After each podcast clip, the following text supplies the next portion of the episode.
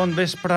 Ja tornem a estar aquí, un programa més. Tornem a estar amb Gitanes a la ràdio i tornem a tindre a l'Anna amb nosaltres. Què tal, Anna Montero? Bona tarda. Bona tarda, Agustí. Bona tarda a tothom. I avui tenim un convidat especial, un convidat que després desbarallarem, després xerrarem una mica amb ell perquè tots sapigueu el que fa aquí, eh, Jordi Soldavila. Hola, bona tarda, Agustí. Anna. Bona tarda.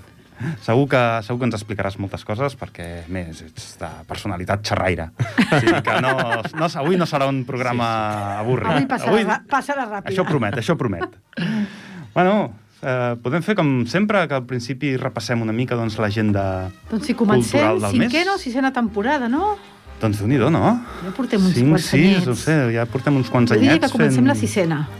I, i seguim portant entrevistes i seguim portant material i, i aquest any doncs promet, aquest any promet perquè tenim moltes coses preparades al sac i, i a veure què...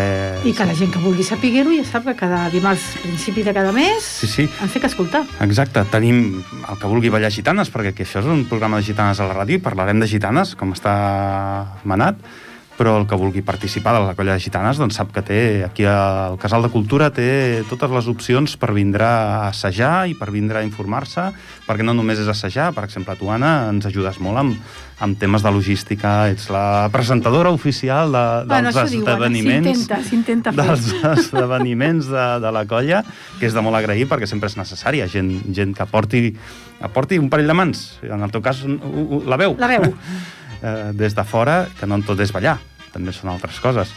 Eh, què més, què més? Eh, tenim un munt de coses perquè, eh, no sé, hem, Bueno, tenim perquè- una entrevista ja preparada que, Sí, que vas fer correcte, molt bé, perquè recordem gravar que amb això de la, de la pandèmia encara no podem portar gent aquí a, a la a ràdio, la ràdio costa, costa i per tant l'entrevista ha de ser gravada. I mira, des d'aquí ja faig una, un llançament també a les entitats culturals que ens escoltin. Si volen tindre el seu espai a la ràdio, nosaltres cedim una, una estona Mhm. de, la nostra, de, la nostra, de la nostra locució a, a la seva... que es posin en contacte o amb gitanes o amb el Toni o amb el Jordi, qualsevol persona de la ràdio i se'ns contactaran amb nosaltres i nosaltres encantats. De... Estarem encantats de fer-li una entrevista, de xerrar amb ells, de conèixer-los, de saber, quines, de saber quines, quines coses fan a les seves entitats i, des de luego, eh, de col·laborar mútuament. Si mai Mhm. necessitem d'una altra colla cultural amiga, perquè aquí som tots amics, Exacte. eh, tant si ells necessiten de nosaltres com si nosaltres d'ells per fer alguna actuació, per omplir alguna, alguna cosa. Doncs estem, nosaltres estem disposats a col·laborar i busquem altres entitats que, altres Que vulguin. entitats que estiguin disposades Exacte. a col·laborar. Correcte. Bueno, què més podem explicar? Què hi ha previst aquest mes? Doncs déu nhi no? I això que no m'ho he mirat encara així tot molt, molt bé, però bueno, us podria dir que comencem el mes d'octubre, que el dimarts dia 12 comencen les festes del Pilar. Comencen les festes del Pilar i alguns podrem fer pont. Que això ho podrem aprofitar alguns.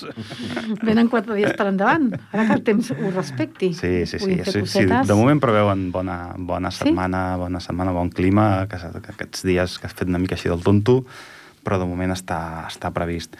En el Casal de Cultura hi ha una cosa que a mi em pica de molt a prop, que és tota una exposició de gegantons. Mhm. Hi han com unes 20 i pico figures de diversos pobles, hi ha Castellbisbal, Terrassa, Montcada, eh, Barberà, hi ha molts pobles eh, amb tots els gegantons, eh, els gegants petits, bàsicament, són els gegants petits de cada poble que no arriben a, més enllà dels 3 metres i mig. I estan tots aquí al Centre Estan Cultural. tots al centre cultural i a més a més de tot el bestiari de Ripollet que els acompanya i dona la benvinguda que estan a la sala de, a l'entrada de, del, del casal. Hi ha tot el bestiari O sigui dels que és- diables i de l'Ajuntament. És una exposició que és gratuïta, que pot venir qualsevol persona a veure-la. A veure-la. Tot i, total i absolutament. No només acaba aquí aquesta exposició, sinó que el dia 23, el dissabte dia 23, hi ha programat que tots aquests eh, gegants, o si no tots, gairebé tots, Mhm. eh, facin una mostra de ball. Aquí també, d'entrada és aquí el pati cultural. Potser, si veiem que hi ha molta gent interessada i molta gent que vulgui, potser ho passem a les pistes de l'Esbart. De l'Esbart. Però, de moment... Eh, I és això, el- per exemple, es tindrà que ser igual que la festa major. Segurament s'haurà de reservar entrada. Ho anireu adient en Encara temps. no ens han dit res des de l'Ajuntament, però pot, segurament la setmana anterior, una cosa així, posaran les entrades a disposició del públic. Tot Molt bé, això doncs encara s'ha esperem que aneu que ens aneu dient. Doncs perquè sí, gegants és una cosa que replega molta gent, que ens eh, agrada molt veure-ho. El primer cap de setmana d'octubre sempre es feia la trobada de gegants Mhm. i aquest any i l'any passat, amb el tema aquest que tots sabem i que ja estic fart de parlar-ne, eh, doncs s'han hagut d'anar cancel·lant i hagut, ens hem hagut d'anar reinventant. Ah, exacte, aquesta I aquest any doncs, ha sigut una qüestió de fer exposició de gegantons i mostra de ball de cada gegant. Vindrà cada poble a fer-los ballar els seus. Lo important, crec jo, és que de mica en mica es poden tornar a anar fent cosetes. La nova normalitat, no? Que ens, Exacte. ja ens avisaven que tindríem una nova normalitat. Exacte, doncs correcte. aquí la tenim. Hem Ja- de ja disfrutar-la i arribat. hem d'aprendre a viure-la. hem de trobar-li les parts positives a aquesta nova normalitat. Sempre no, s'ha de buscar, no si tot ha de no- ser negatiu. No tot ha de ser negatiu. Molt bé, molt bé. Què més? Què més Què tens més apuntat per tenim? aquí de l'agenda d'aquest mes? De... Doncs mira, estic llegint que, per exemple, el divendres 29 fan cinema de terror, al Casal Mm. de Joves. Home, és que és el cap de setmana que toca, no? La Castanyada, Halloween, no? És el cap de setmana que toca el cinema de És- terror. És quan toca. Entre castanyes, moniatos, doncs una del Halloween, clar. Mhm. Perquè aquí les... I les... també estic mira, llegint que també la Careta organitza aquesta vegada, el, han pogut fer el túnel del terror. Sí, tornem, recuperem Túnel del Terror. Ah, exacte. Suposo que aquesta vegada els monstres no et podran tocar, no? Eh, correcte. Hi haurà mostres que Distància de hauran seguretat. Els mostres ens hauran de guardar les distàncies de seguretat, amb la qual cosa potser no fan tanta por. No sé. Què més? Què més tenim? Mira, Jordi, ja que estàs aquí, sí. hi ha alguna cosa a tu d'aquesta agenda cultural tan Home, hi ha una extensa? cosa molt interessant d'aquest mes, sobretot, que són aquestes jornades europees de patrimoni que Mhm. es fa durant aquest mes. Comença aquest cap de setmana, és sobre la Segona República, Ahà. i és molt interessant perquè hi participa sobretot el grup d'estudis ripolletens, entre, entre altres, eh, no sé si són organitzacions, però sé que són de, de grups, per exemple, de recreació, que recrearan escenes de la República, i també es faran, i es faran en diferents caps de setmana, eh, pel que he pogut consultar de la gent. Sabem si són escenes eh, teatralitzades o... Sí, ho fa un grup que de recreació de la, si veig aquí, de la qui, eh, quinzena brigada d'Hipati i Recreació Guerra Civil Patrimoni. I aleshores eh, faran per grups. Uh Mhm. -huh. El que he vist és que algunes són reservades, eh, algunes que són més d'explicació, per exemple, la que es farà eh, sobre els escenaris de la Segona República, doncs, que la farà el, el, el GERB, doncs seran places re, eh, limitades i s'haurà de fer amb reserva, sí. però altres només hauràs d'aparèixer allà i aleshores per grups de, de 10 persones Aniran doncs podràs passar. fer veure les recreacions. És molt interessant perquè, bueno, sobre el tema de la república, doncs sempre s'han fet coses, però no una cosa tan tan estudiada i tan mirada no? sobre coses eh, més específiques sobre Mhm. com va ser d'aspectes eh, específics de la república. I també hi ha una altra cosa que és superimportant, és que les nits de música tornen, un altre Tornen. cop a Ripollet. Mhm. Eh, Tornen. crec que van tenir les, les trenes, si no m'equivoco, eh, la setmana passada, potser, i continuen. I, per tant, això també, aquí una abraçada als impulsors de a l'esforç fet perquè realment Exactament. Sí, no sí. venim d'una temporada fàcil de fer aquestes coses per, per planejar-ho, perquè ja només el fet de planejar-ho sense saber si ha arribat el moment podrem fer-ho, això és el que ens passa una mica a tots els grups de, de ball, de música, Exacte. de teatre, tots, tots els que som en l'ambient una mica cultural. Recuperem la normalitat, no? Sí, sí, sí, sí, sí, aviam, sí. haurem d'aprendre a viure amb, el, amb el, aquesta cosa que ens ha vingut, n'haurem d'aprendre a viure, però hem de, no, no ens pot condicionar fins al punt de, de deixar fans a la moral. Molt bé, doncs com sempre, hi han contes, hi han tallers, hi han de tot. El que deies, els actes principals, això de la República està molt bé, però no hem de perdre de vista eh, la castanyada i el, la festa del Pilar, que això Fonamental de- això és octubre en el màxim Ah, el màxim exponent. En el màxim exponent. Això que deies de la República, veig que és cada 20 minuts deixaran entrar persones, Sí. a grups de persones, de 10 persones. I no cal Cada 20 cita minuts, a prèvia en, està en molt bé, està aquesta. molt bé. I no cal cita prèvia. Aquí el Molí d'en Rata. El Exacte. Molí d'en Rata des de les 10 del matí fins a les 2 el diumenge. Sí, I el que veig és que la de les últimes ja serà el diumenge 31, que es farà fan també. Cada cap de setmana es faran setmana. diferents sessions Molt bé, pel que es pot, molt de diferents maneres, no? diferents aspectes, però mm, és interessant perquè ho porta el, el, el grup d'estudis, eh, el GER, no? que és Sí. aquest grup, són gent jove, eh, a més a més, eh, pues, mm, gent que són historiadors o són arqueòlegs o que estan en el món aquest. I republicans. Perquè un monàrquic no faria escenes de la República. Només ho dic per això. Bueno, no se sap. O faria les seves, no? Amor, amor a la història, clar, bueno, podria fer la interpretació La de la seva República, no? interpretació. Això és, és la història sempre, no? I qui te l'explica i de la manera que te l'explica, no? Sempre és lo interessant. molt bé, molt bé. Doncs, uh, què més podem explicar? Uh, ara sí, ja ens centrem una mica en tu, ens has aportat tot això, Jordi, ens has aportat tot aquest coneixement sobre la república. Sabem que ets un, un apassionat d'aquest tema, concretament, de la història de la república, de, de la política, de tot això que li envolta, però no parlarem d'això, no parlarem de política perquè Oh. aquí això són gitanes a la ràdio. I aquí estàs per gitanes. Ah, això també m'agrada. I entre d'altres coses et volem donar la benvinguda al grup de gitanes. És a dir, sembla que no, sembla que sempre siguem els mateixos, sembla que sempre ballem els mateixos balls, però anem canviant, anem incorporant gent nova. Aquest any el Jordi és un retrobat, ja va ballar un parell d'anys, un o dos, ara no recordo. Diria que un, no, Un, Anna? un. Si no m'equivoco. Va ser com trencar el gel d'aquell, Sí. aquella vegada, per motius varis, doncs has hagut de deixar uns quants anys, i ara hi tornes. I tant. Què ha passat? Per què? Què, què et motiva, no, no a nivell personal, però per vindre a ballar gitanes? Per què gitanes? Per què no teatre o per què no Prim. l'any dens? Primer de tot, que va ser una promesa. Jo vaig dir que en el moment que tingués l'espai per poder venir a assajar, vindria, i he complert. Molt bé. Sí que Són importants. Complir les promeses com- diu molt d'un. Complir, eh? El que passa que, bueno, també és veritat que aquest any, aquest últim any, hagués estat potser eh, en el moment que pogués incorporar, però bueno, com hem tingut la situació que hem tingut, doncs no ha pogut ser fins ara, diguem-ne, que ja ho consolidem, no? Doncs eh, sempre m'ha agradat molt gitanes. Bé, la meva àvia ballava gitanes d'aquí a, a Ripollet i sempre això ha estat molt vinculat. Jo també ballo sardanes i també Bueno, a veure si ens fareu entrevista perquè hi ha una associació nova de sardanes que està al caure això, això saps que t'ho vaig dir, que un mes cauran sardanes Ja la a deixo anar, per tant, Et sempre... dic que el mes que ve no podrà ser, perquè ja la tenim aparaulada, però compte que Bueno, desembre o quan- gener, Desembre, segons gener. Quan fem la presentació això, d'això, no? tenim, teniu un hueco reservat per vindre aquí i xerrar, si es pot, si es pot vindre aquí, que aquesta és una altra. I tant.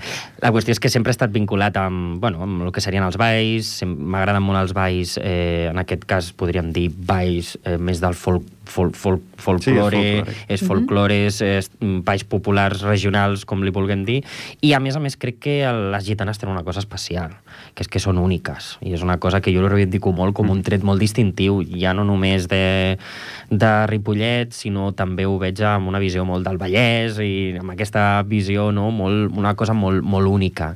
I com m'agrada molt ballar, com m'agrada que sigui que tingui aquesta característica, doncs eh, això és una de les coses que em feia molta il·lusió doncs, de poder ballar pues, la, el ball de gitanes.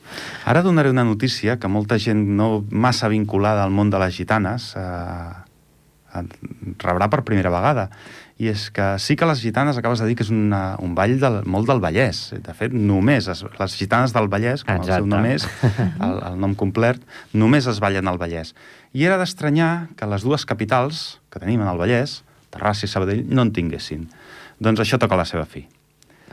La, la colla d'esbar de Sabadell parteix un tros, no, no es dissol, però parteix un tros i monta una colla de gitanes de Sabadell. Molt bona Ah, molt notícia, bé. aquesta. És a dir, Molt de bé. moment hi havien com 50 persones apuntades. Molt bé. L'última notícia que em van donar fa 10 dies.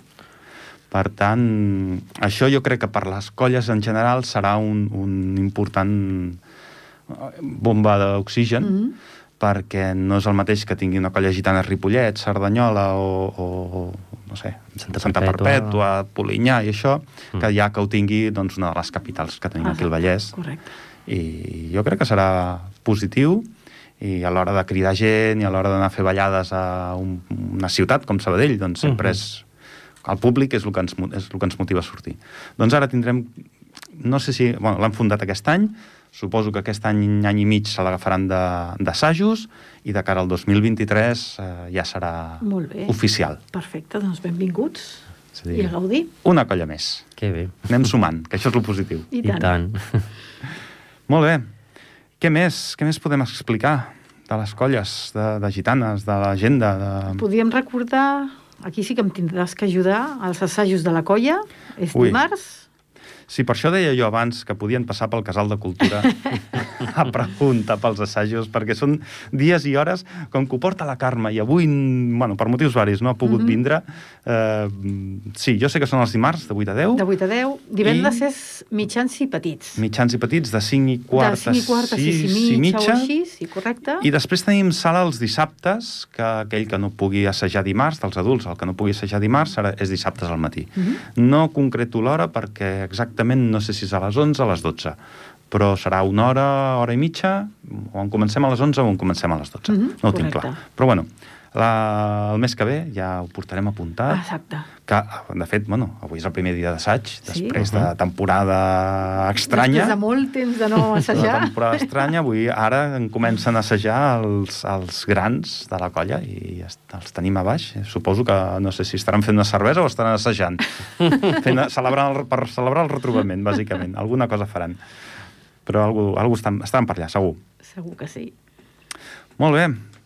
Doncs... Uh, voleu que posem una miqueta de música i continuem Vinga, després? perfecte.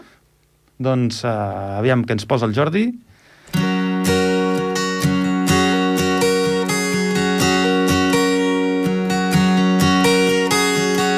Camins que ara s'esvaeixen Camins que hem de fer sols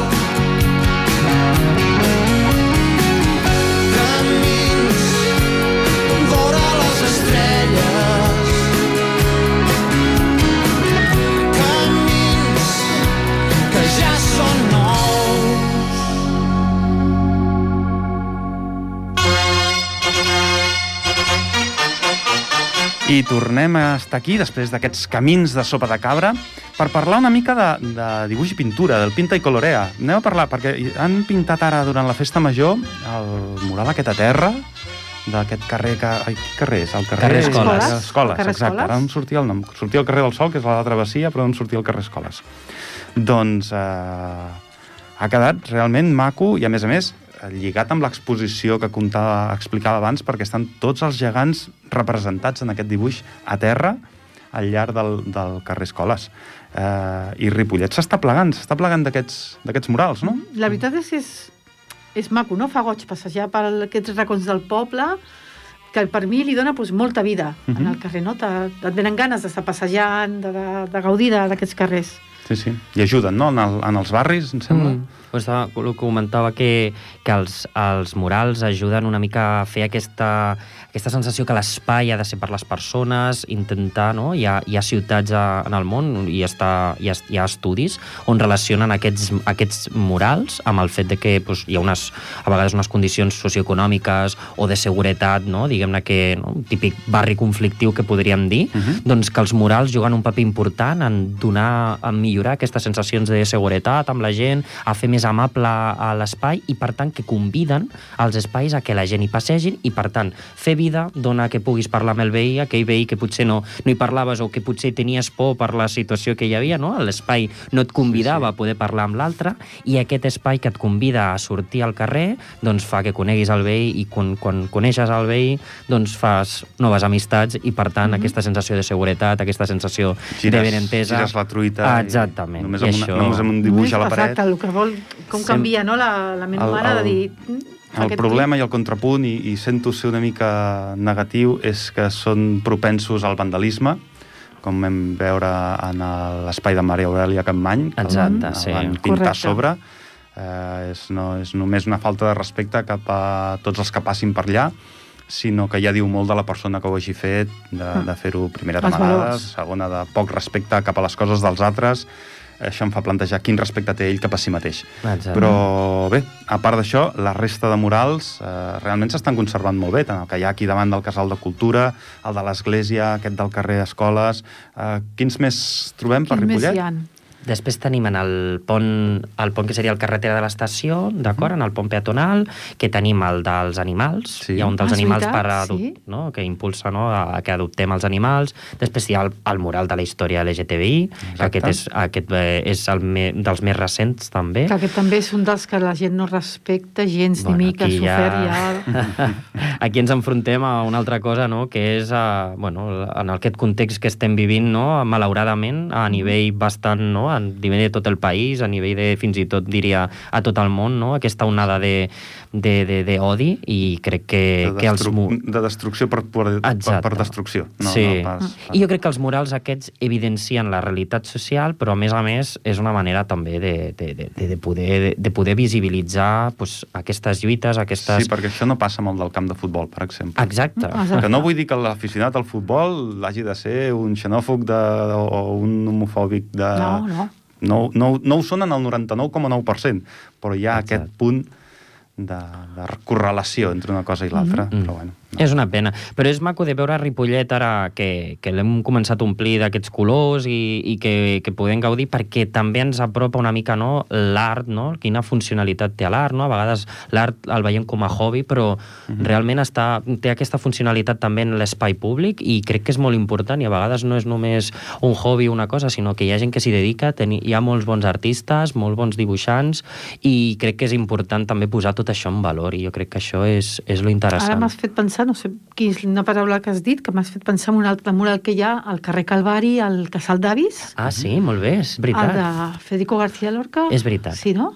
Sí, sí, sí, el de Federico García. I ara m'has fet pensar en un altre que està al costat del, del Teatre Auditori, del Teatre Auditori del, del Mercat Vell, que fa cantonar on està la, la farmàcia. Sí. Uh, sí, aquell carrer, si no m'equivoco, és el carrer de la Lluna, amb, amb carrer Montcada. Aquest no Aquella cantonada està dedicat a Wenceslau Soler i és una persona d'aquí del món associatiu de, de Ripollet, molt Mm-hmm. vinculada amb el teixit cultural de Ripollet i va ser un mural també que, que, que es va fer, va ser amb proposta ciutadana, que es va fer per, per, en honor a, O sigui que a Wenceslau va Déu-n'hi-do traspassar fa... si Ripollet té murals. Sí, sí, sí. Sí, sí, ja és el- la ciutat dels murals. parets tristes i oxidades Sí. per, per... Dones vida, per estàs art. donant vida. Per Mhm. art, bàsicament. No? Cal dir que el mural del carrer Escoles, el, el del carrer, eh, va estar proposat, és el mateix artista que és el de la paret, Sí. però va estar proposat pels els alumnes de l'escola. O sigui, Mhm. la proposta Sí. va venir de l'escola, també. La idea de com fer aquest carrer i d'això... una mica un mural amb l'altre i que, Exacte. i que, Exacte. i que va sortir de l'escola la idea de que tingués continuïtat amb el, amb el mural de, de la paret, de la façana. Molt bé, que és molt molt interessant això, no? Com també la gent... I hi ha un també molt interessant, que és a l'escola Escursell, Mhm. que va haver una iniciativa del Petit Ripollet, que era de fer, de dibuixar ripo, diferents eh, eh, espais de Ripollet en un Sí. llibre, i són de, de dues persones d'aquí de Ripollet, el Javi i el David, i aleshores van fer amb els nens de l'Escursell, els nens van mm, exposar quins, quins racons coneixen de Ripollet, i és un mapa de Ripollet amb diferents, Diferents edificis. Ah, eh, monuments de Ripollet. Està a la, a la paret mateixa de l'Escursell. També molt, molt interessant aquest. Ets un pou de sabidoria. Vindràs Sí. més, més vegades aquí Sí, sí. perquè sempre és interessant escoltar el que ens has d'explicar. Em sembla que tenim un nou fitxatge. Em sembla que sí, que vindràs més sovint del que tu puguis pensar. doncs molt bé, passem ja, fem una miqueta de música i donem pas a l'entrevista que ens tens preparada. Correcte. Sí? Doncs vinga. Plats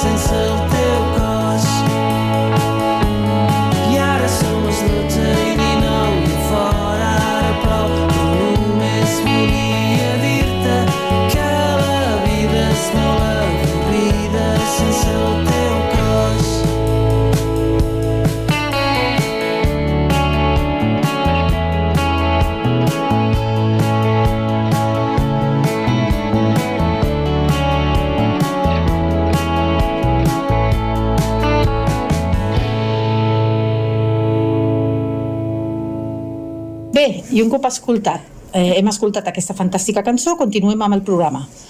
Avui ens acompanyen la Maica, presidenta, i la Carme, vicepresidenta, components de l'associació Sonreír és Vivir, grup de pares o cuidadors de persones amb discapacitat. Buenas tardes y bienvenidas a Gitanas a la Radio. Hola, buenas Hola, tardes. buenas tardes. Primero de todo, explicarnos un poquito quiénes sois, cuántos sois que formáis la asociación.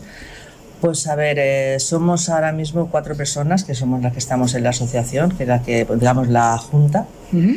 Y de familias, pues la verdad que somos casi unas 20 familias las que tenemos y la verdad que hasta ahora vamos creciendo, que eso para nosotros es muy importante. Que 20 familias. Que son 20 familias, son 20 familias. Sí, por eso. Porque a la hora de tener que hacer salidas, a la hora de tener que hacer respiros, a ver, somos, somos casi un autobús y pico Caramba. las que salimos. Entonces la verdad que cada vez estamos mejor, sí. ¿Desde cuándo está esta asociación en Ripollet? Pues estamos desde el año 2016 que empecemos como, al principio, bueno, esto, estábamos primero como un grupo de padres que nos juntábamos a hablar, para que llevábamos los niños, y decíamos, a ver si pudiéramos hacer algo donde los niños pudieran estar entretenidos y nosotros pudiéramos hacer algo. Y empecemos así un poco a juntarnos y al final dijimos, oye, mira, ¿por qué no hacemos una asociación y así podemos hacer más cosas y nos podemos ayudar y, bueno, informarnos de las ayudas, informarnos y luego, aparte, pues ayudarnos en otras cosas, ¿no? De lo que es el día a día. Claro, porque ha de ser complicado, o sea, porque el más mínimo hablo desde mi ignorancia, ¿no? Pero cualquier ruido, cualquier cosa para estos Claro, tienen que ser sitios, sitios cerrados, porque, a ver, los niños que siempre decimos, los niños autistas también tienen que tener un sitio siempre el mismo, tienen, y luego tenemos otros niños que aunque no sean autistas, porque esta asociación es de, de toda clase de enfermedades, porque no es para los niños con discapacidad, es para los cuidadores. Es para, digamos, los padres en este caso. Lo que pasa que también hacemos actividad con ellos porque ya que están aquí, pues digamos, hacen actividad porque tienes tu, tu, cuenta que estos niños tienen que seguir el ritmo que tienen en el centro, ¿vale? Entonces aquí hacemos pues, más o menos lo mismo, que sigan el ritmo, pero estamos dedicados más a los padres y a los cuidadores. Vale, perfecto, perfecto. Desde el 2016 que estáis aquí como asociación en Ripollet, eh, ¿os sentís apoyados por el ayuntamiento cuando decís de hacer alguna cosita? A ver, la verdad que sí, la verdad que nos ayudan, por lo menos cuando tenemos cualquier problema, cualquier cosa, pues llamamos o cualquier situación que nos vengan y la verdad que hasta ahora sí, no nos podemos quejar. perfecto, perfecto. ¿Cómo nace? Porque mmm, yo, si soy sincera, os he conocido gracias a esta fiesta mayor que hicisteis el fuegos artificiales sin ruido. ¿Cómo nace esta fantástica idea? Pues esta idea nace por una simple de preguntas que nos hacíamos nosotras mismas, porque los mismos padres, a ver, siempre está el dilema ese de la gente que se queja, que por qué están los fuegos artificiales, porque si los animales, que si las personas que tienen problemas de ruidos, que si los niños con discapacidad que también tienen problemas. Entonces nos decían que por qué como asociación no apoyábamos esa iniciativa de que quitaran los fuegos artificiales. Entonces, claro, nosotras empecemos a hablar y dijimos, vamos a ver, es que nosotros también tenemos personas invidentes en la asociación. Y una frase que una mamá dijo una vez, dice, es que para nosotros el ruido es la vida. Si nos quitáis el ruido, no tenemos nada. Entonces, los, los fuegos artificiales, si les quitáis los ruidos, ¿yo qué hago? mi familia qué hace, ¿no? Entonces, por eso fue que lo estuvimos hablando, nos juntemos, y ¿qué te parece que hacemos para que tengan las dos opciones? a ver, el que le guste los fuegos artificiales, pues que vaya a verlo. Yo hablo ya de la discapacidad, ¿vale? Que luego es, es, una actividad que luego puede venir todo el mundo a verla. No hace falta, igual que nosotros que tenemos personas con discapacidad, vamos a ver los fuegos artificiales, la gente que no tiene no ninguna discapacidad, una discapacidad, claro, también podrá disfrutarla este año porque ha sido todo muy reducido por lo del COVID y todo, y ha sido, pero esto para nosotros es un proyecto que luego a la larga va a ser para un sitio mucho más amplio para que más gente pueda, pueda hacerlo. Entonces, lo hablemos, dijimos de que porque no lo podíamos hacer y la verdad que lo llamemos al ayuntamiento. Bueno, estuvimos hablando con el Fran. Sí. Y el Fran estuvo hablando con lo de la fiesta mayor, nos estuvieron diciendo, dijeron que sí, que lo veían muy factible, que era muy razonable, que la verdad que era una cosa muy bonita para el pueblo. Y así surgió, que decir, con preguntas entre nosotras en el WhatsApp y todo esto, pues surgió la idea. La verdad es que es de agradecer, porque yo cuando lo leí, lo he dicho, me quedé con las ganas, pero por todo lo de la COVID que tenías que ir con reservas, enseguida se agotaron. Sí, pero sabes, se agotaron, pero ahí también tengo que decir una cosa, mucha gente cogió entradas y no fueron. Y no fue. Y quedaron muchísimas sillas vacías. Eso es una pena, eso nos encontramos... Y mucha gente, mucha gente se quedó sin ir. Sí, eso sí que es una pena. Ha sido una de las quejas que más se ha oído una vez acabado la fiesta mayor, porque nosotros como gitanas también nos, se nos agotaron las entradas rápidamente y luego quedaron muchas sillas vacías y muchísimas, muchos actos que han habido y luego la gente Sí. ha dicho, "Ostras, que no te cuesta nada, la liberas si no puedes ir y, y ya está, ¿no? Pero sí que es verdad que tanto esto como luego las dos horas que hubieron en las atracciones de sin Sí, ruido... eso también era, también es una propuesta que hicimos hace en el 2000, 2019. 2019 le hicimos, porque claro, luego vino el COVID y ya Claro. pues tuvimos que dejarlo, pero ese año llevamos a hacer el primer año de las dos horas sin ruido, que también hablemos, yo hablé con el alcalde en ese momento y él dijo que ese año no se podría hacer, el, bueno, yo lo hablé en el 2018, pasa que hablé muy justo ya y me dijo que ese año ya no se podría hacer porque era muy justo, pero que para el próximo, para el 19, se podría hacer.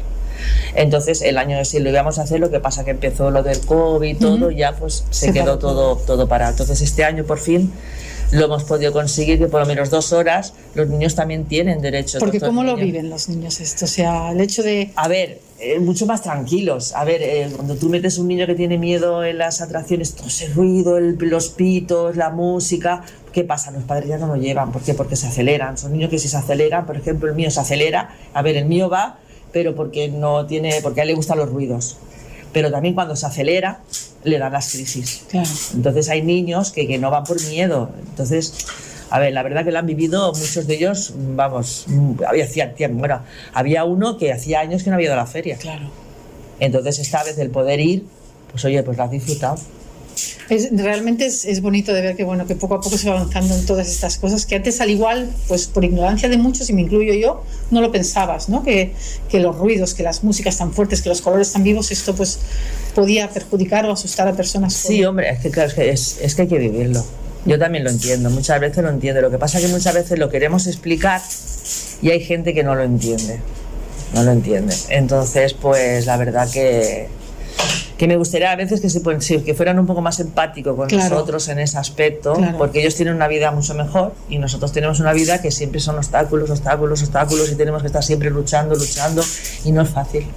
No es fácil. no la verdad es que no lo ha de ser los creadores de fuegos artificiales cómo reaccionan cuando decidís A ver, yo hablé con Manuel Osuna, que es el de los fuegos artificiales con ruido, Sí. y le propuse de hacerlos sin ruido. Para él fue una ilusión muy grande, porque él ya en su cabeza también había tenido ya el, este tema. Entonces él no le pillé de vacío, no le pillé de cómo lo hago, porque él ya tenía eso metido en la cabeza, ¿vale? De algún día a ver si lo podría hacer. Entonces cuando yo le comenté la propuesta del ayuntamiento, que la habían aceptado y que lo podíamos hacer, para él fue una, una ilusión impresionante.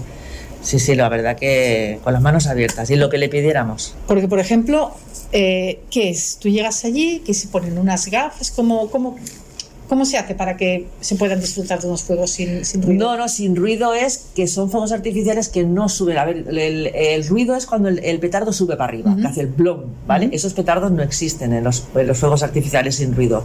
Es todos como fuentes, cosas de Ajá. colorines. Era como tipo los Carrefox, ¿Sí? que son tipo así, el tipo de, de fuegos, y aparte de ahí lo enlazaron con una historia para que simplemente pues, se viera una armonía en el que es Qué el bonito. tema de, de los fuegos. Qué bonito. Verdad. No, la verdad que estuvo muy bien. La verdad que estuvo muy bien porque le pusieron, pusieron como un personaje que hablaba, era un tipo monstruo, Sí. que se movía, ¿sabes? Un tipo Y a monstruo. los niños era- le encantaron. Sí, a- mira Los que era feo. niños- los niños vieron el de este y se quedaron mirando y es lo que más Sí. les, les, Les llamó la fascinó, atención, sí, sí, al momento. Y luego también hicieron como una luna grandiosa y un hombre por detrás con una luz se enfocaba y él iba pintando la cara de la luna. Eso a los niños también pues les Claro. gustaba ver todo eso. Lo único que eh, lo único que se pecó un poco fue en que la música estaba un poco alta. La música tiene que ser más, digamos, de sintonía más, más suave para ellos, ¿vale? Porque sin ruido, entonces tiene que ser algo más suave. Claro. Pero es como dijimos, tenemos que ir amoldándonos, tenemos que ir sabiendo cómo tenemos que hacer Claro, ha sido la primera vez que se ha organizado Claro. y seguro que el También año que mamá- viene... también una mamá por Facebook me dio un consejo de que ella tenía una nena que era que por qué no hacíamos lo de los signos. A la hora de explicar el, el personaje, Sí, la historia. la historia, Claro. eh, claro, estaba allí y ella no se enteraba de nada. Entonces, claro, y yo dije, pues claro, son propuestas que a nosotros, a ver, toda propuesta que nos hagan, Claro, nosotros la recibimos con las manos abiertas. Quiere decir que si tú Claro. quieres, eso para el año que viene está ya puesto. Quiere decir, si hacemos otra vez que cuenten una historia o que hagan lo que haga, habrá alguien con el lenguaje de signos para cualquier persona que le haga falta. Lo Todo es cuestión de, pues bueno, es eso, el primer año tú lo haces, pero luego sabes que bueno, poco a poco se va a ir mejorando, y van a haber ideas y la gente te va a ofrecer y claro que sí, Sí, sí, perfecto. Y a ver sí. si el próximo año se puede hacer un sitio más grande, más amplio, y que todo el mundo pueda Seguro. ir. Lo pueda Esperemos que sí, que A ver, nos han dicho que para el año que viene tenemos la plaza del ayuntamiento. Ah, Que eso eso es enorme, sería- claro, eso sería Esos nos han dicho que para el año que viene, si Dios quiere, lo vamos a hacer ahí, que tiene mucha más amplitud, es todo llano para silla de ruedas, que no hay que subir Claro. para ningún lado, súper llano. Entonces, eh, por ahora nos han dicho que posiblemente que sea ahí. Qué bien. Y más presupuesto para que los petardos sean más, más amplitud, porque este año, claro, ha sido un. La gente le gusta muchísimo. Bueno, lo difícil es empezar, pero era ya una vez, yo creo que ya la Sí. gente el año que viene ya lo esperará, al decir, mira, el año pasado hubo esto, se supone que el año que viene. A ver si no puede ser Tiene que haya. mejor. Exacto, por Por descontado. narices. Por descontado Sí, claro sí, que a sí. poquito a poco, a poquito a poco vamos dando pasos y a ver si. Claro que sí. Eh, por parte de la gente, ¿qué recibimiento tenéis? Bueno, en, este, eh, en el tema de, los petardos sí que es verdad que hubo muchas opiniones, mucha diversidad, sobre todo en las redes sociales. Sí que es verdad que hubo gente que no lo, nos dijeron que no lo veían ético, no lo veían normal. Y hay mucha gente que sí que nos apoyó, pero sí que es verdad que hay mucha diversidad de opiniones sobre este tema. A ver, supongo que cada uno pues, lo vive desde su propia de esto y el por qué sí y el por qué no. Lo que pasa es que, claro, mm, tampoco entendemos la gente, pues, cómo puede... Yo sí que es verdad que ahora que lo dices, por redes sociales, por el Facebook, lo estuve, que se ve que había, bueno, lo leí, que había gente que no estaba de acuerdo, pero me acuerdo que lo comenté con mi marido y mi hija, de decir, bueno, es de ser un poco egoísta, porque en ningún momento estás suprimiendo los fuegos Exacto. artificiales. Sí. Simplemente, sitios, exacto, estu- Estamos agregando. tres sitios, estás alargando, estás abriéndote aún Pero a mucha más Es gente. que es una actividad como el que hace el baile de country o que hace Exacto. otra actividad. Otra actividad es los fuegos artificiales sin ruido, porque la de los ruidos está. Es decir, estamos agregando otra actividad, Exacto. no estamos En quitando ningún ninguna. momento has quitado, sino Entonces que te no abres. entendíamos esa situación. Mm. Y muchos padres saltaron a, a, bueno, a defender un poco de que, Claro. bueno, que todos podemos tener todo en la siesta mayor, que no tiene que ser solo para ciertas personas, sino que eh, tenemos que caber todos en el Es que se trata de eso, ¿no? De que todo el mundo pueda disfrutar de la fiesta mayor. Sí, Sí, pero está visto que para muchas personas no. Todavía están cerrados. cuesta Bueno, mucho. es mente cerrada, que digo yo. Y cualquier cosa que les quitas de su camino ya, para Sí, ellos sí, ya es complicadísimo, es complicado. Y luego que tú se lo quieres hacer entender a estas personas y es que no encuentras las palabras, porque es que de todo lo que les estás explicando es que ellos están encerrados y no ven más allá. Y tú mira que le intentas explicar, le- incluso los invito a la asociación para que vengan, a ver si de esa manera Claro. nos pueden entender. Y nos tratan como si fuéramos, "Ah, pues si voy a ir a la asociación. Sí, a lo mejor, ¿sabes? Como diciendo, y dices, joder, encima te estoy ofreciendo para que nos puedas entender. Exacto. Decir, que nos hemos encontrado de todo, de todo. Que es triste, por eso también. ¿Hacéis más actos a lo largo del año? ¿Hacéis algunas hacéis Sí. salidas? ¿Hacéis...? A ver, ahora mismo estamos un poco en stand-by. Hacemos poca cosa porque tampoco en esto de la pandemia todavía no nos dejan hacer según qué actividades, pero nuestras actividades más o menos las que solemos hacer cuando un día normal, digamos, cuando todo esto de la pandemia más o menos acabe, eh, lo que hacemos son muchos son los respiros, que hacemos respiros de fines de semana, que es lo que hacemos para, las, para los cuidadores. Nos llevamos a los niños también, o a las personas con discapacidad, y nos llevamos voluntarios. ¿Vale? Entonces esos voluntarios se ocupan de las personas con discapacidad y entonces los padres, pues si quieren salir pues a pasear, a dar una vuelta, a juntarse para hablar de sus problemas, es una manera de desconectar fuera de todo esto. Porque las personas cuando van de excursión, a lo mejor, oye, mira que me voy de excursión, te dejo al niño, a la mamá, al papá. Nosotros no podemos dejar los niños. Nosotros donde vamos siempre van con nosotros y orgullosos de que estén con nosotros, pero también es entendible o espero que nos entiendan que también nos gustaría pues, tener un rato de estar solos y de disfrutar de una excursión como, es todo que el mundo. Efectivamente, todo el Claro, mundo pero es que parece que haces eso y parece que la gente piensa como que los queremos dejar. ¿Sabes? No, no, es que queremos vivir como los demás. Exacto. Pero para vivir como los demás necesitamos un voluntario, ¿vale? Que se quede con esos niños jugando, que ya tenemos siempre, donde vamos, siempre cogemos unas salas muy grandes donde ahí hacen actividades, juegan ellos, mientras que nosotros podemos salir, pues yo que sé, a tomar algo, a cenar o lo que queramos hacer, y, pero están súper bien cuidados, este aspecto sí. Luego, o hacemos excursiones de un día, también, también llevamos los voluntarios para que cada familia tenga su voluntario, para que esté, para que los padres también puedan estar Claro. un poco más libres. Luego hacemos lo de la equinoterapia. Exacto. Sí, lo de los caballos pasa que, bueno, ahora con todo esto del COVID, pues sí que es verdad que las medidas que ellos tienen no está habituado para grupos tan grandes. Entonces, están un poco ahí en stand-by, pero bueno, nosotros cada, bueno, el año pasado, no, el anterior, se hizo y la verdad que estuvo muy bien porque hacen actividades tanto para padres como para los niños. Ajá.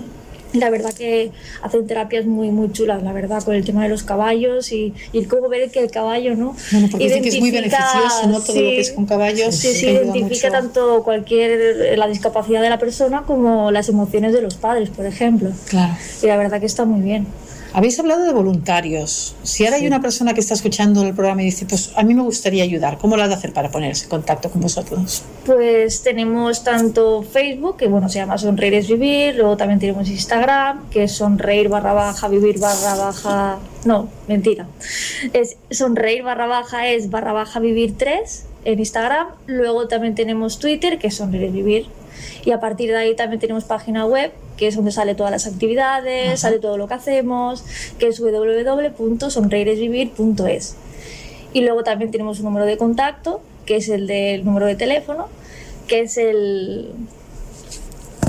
El número de teléfono es 615 91 38 29. Y Perfecto. ahí también nos pueden localizar. Lo repetimos, 615 91 38 29. Por si hay cualquier persona que quiere venir a ayudaros, a dar un golpe de mano, decir, oye, podéis contar conmigo.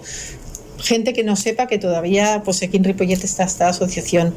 Sí, sí, cualquiera, cualquiera. Quiero decir, incluso hay niños que han venido con 16, 17 años y con el consentimiento del padre firmado como que pueden hacer esta actividad. Nosotros también, como aquel que dice, como que les podemos preparar un poco, enseñar lo que es este mundo, porque no es venir solamente, sino nosotros los padres mismos somos los que les enseñamos cómo tienen que hacerlo y es una preparación bastante bonita el poder estar en comunicación con los padres porque así aprenden, porque cada niño, tú cuenta que aquí son, como te he comentado antes, muchas enfermedades diferentes. Claro. No es que sea una asociación del síndrome de Lenos, por ejemplo, y todos son de lo mismo y todo van a hacer. No, no, aquí hay síndrome de Lenos, síndrome de, de Williams, tenemos el, eh, lo del síndrome de Down, tenemos el de Draver, tenemos autismo, tenemos que decir que tenemos una Sí, variedad muy grande. Entonces, es un aprendizaje también para ellos bastante bonita y los que tengo, la gente que tenemos, la verdad que están súper contentos.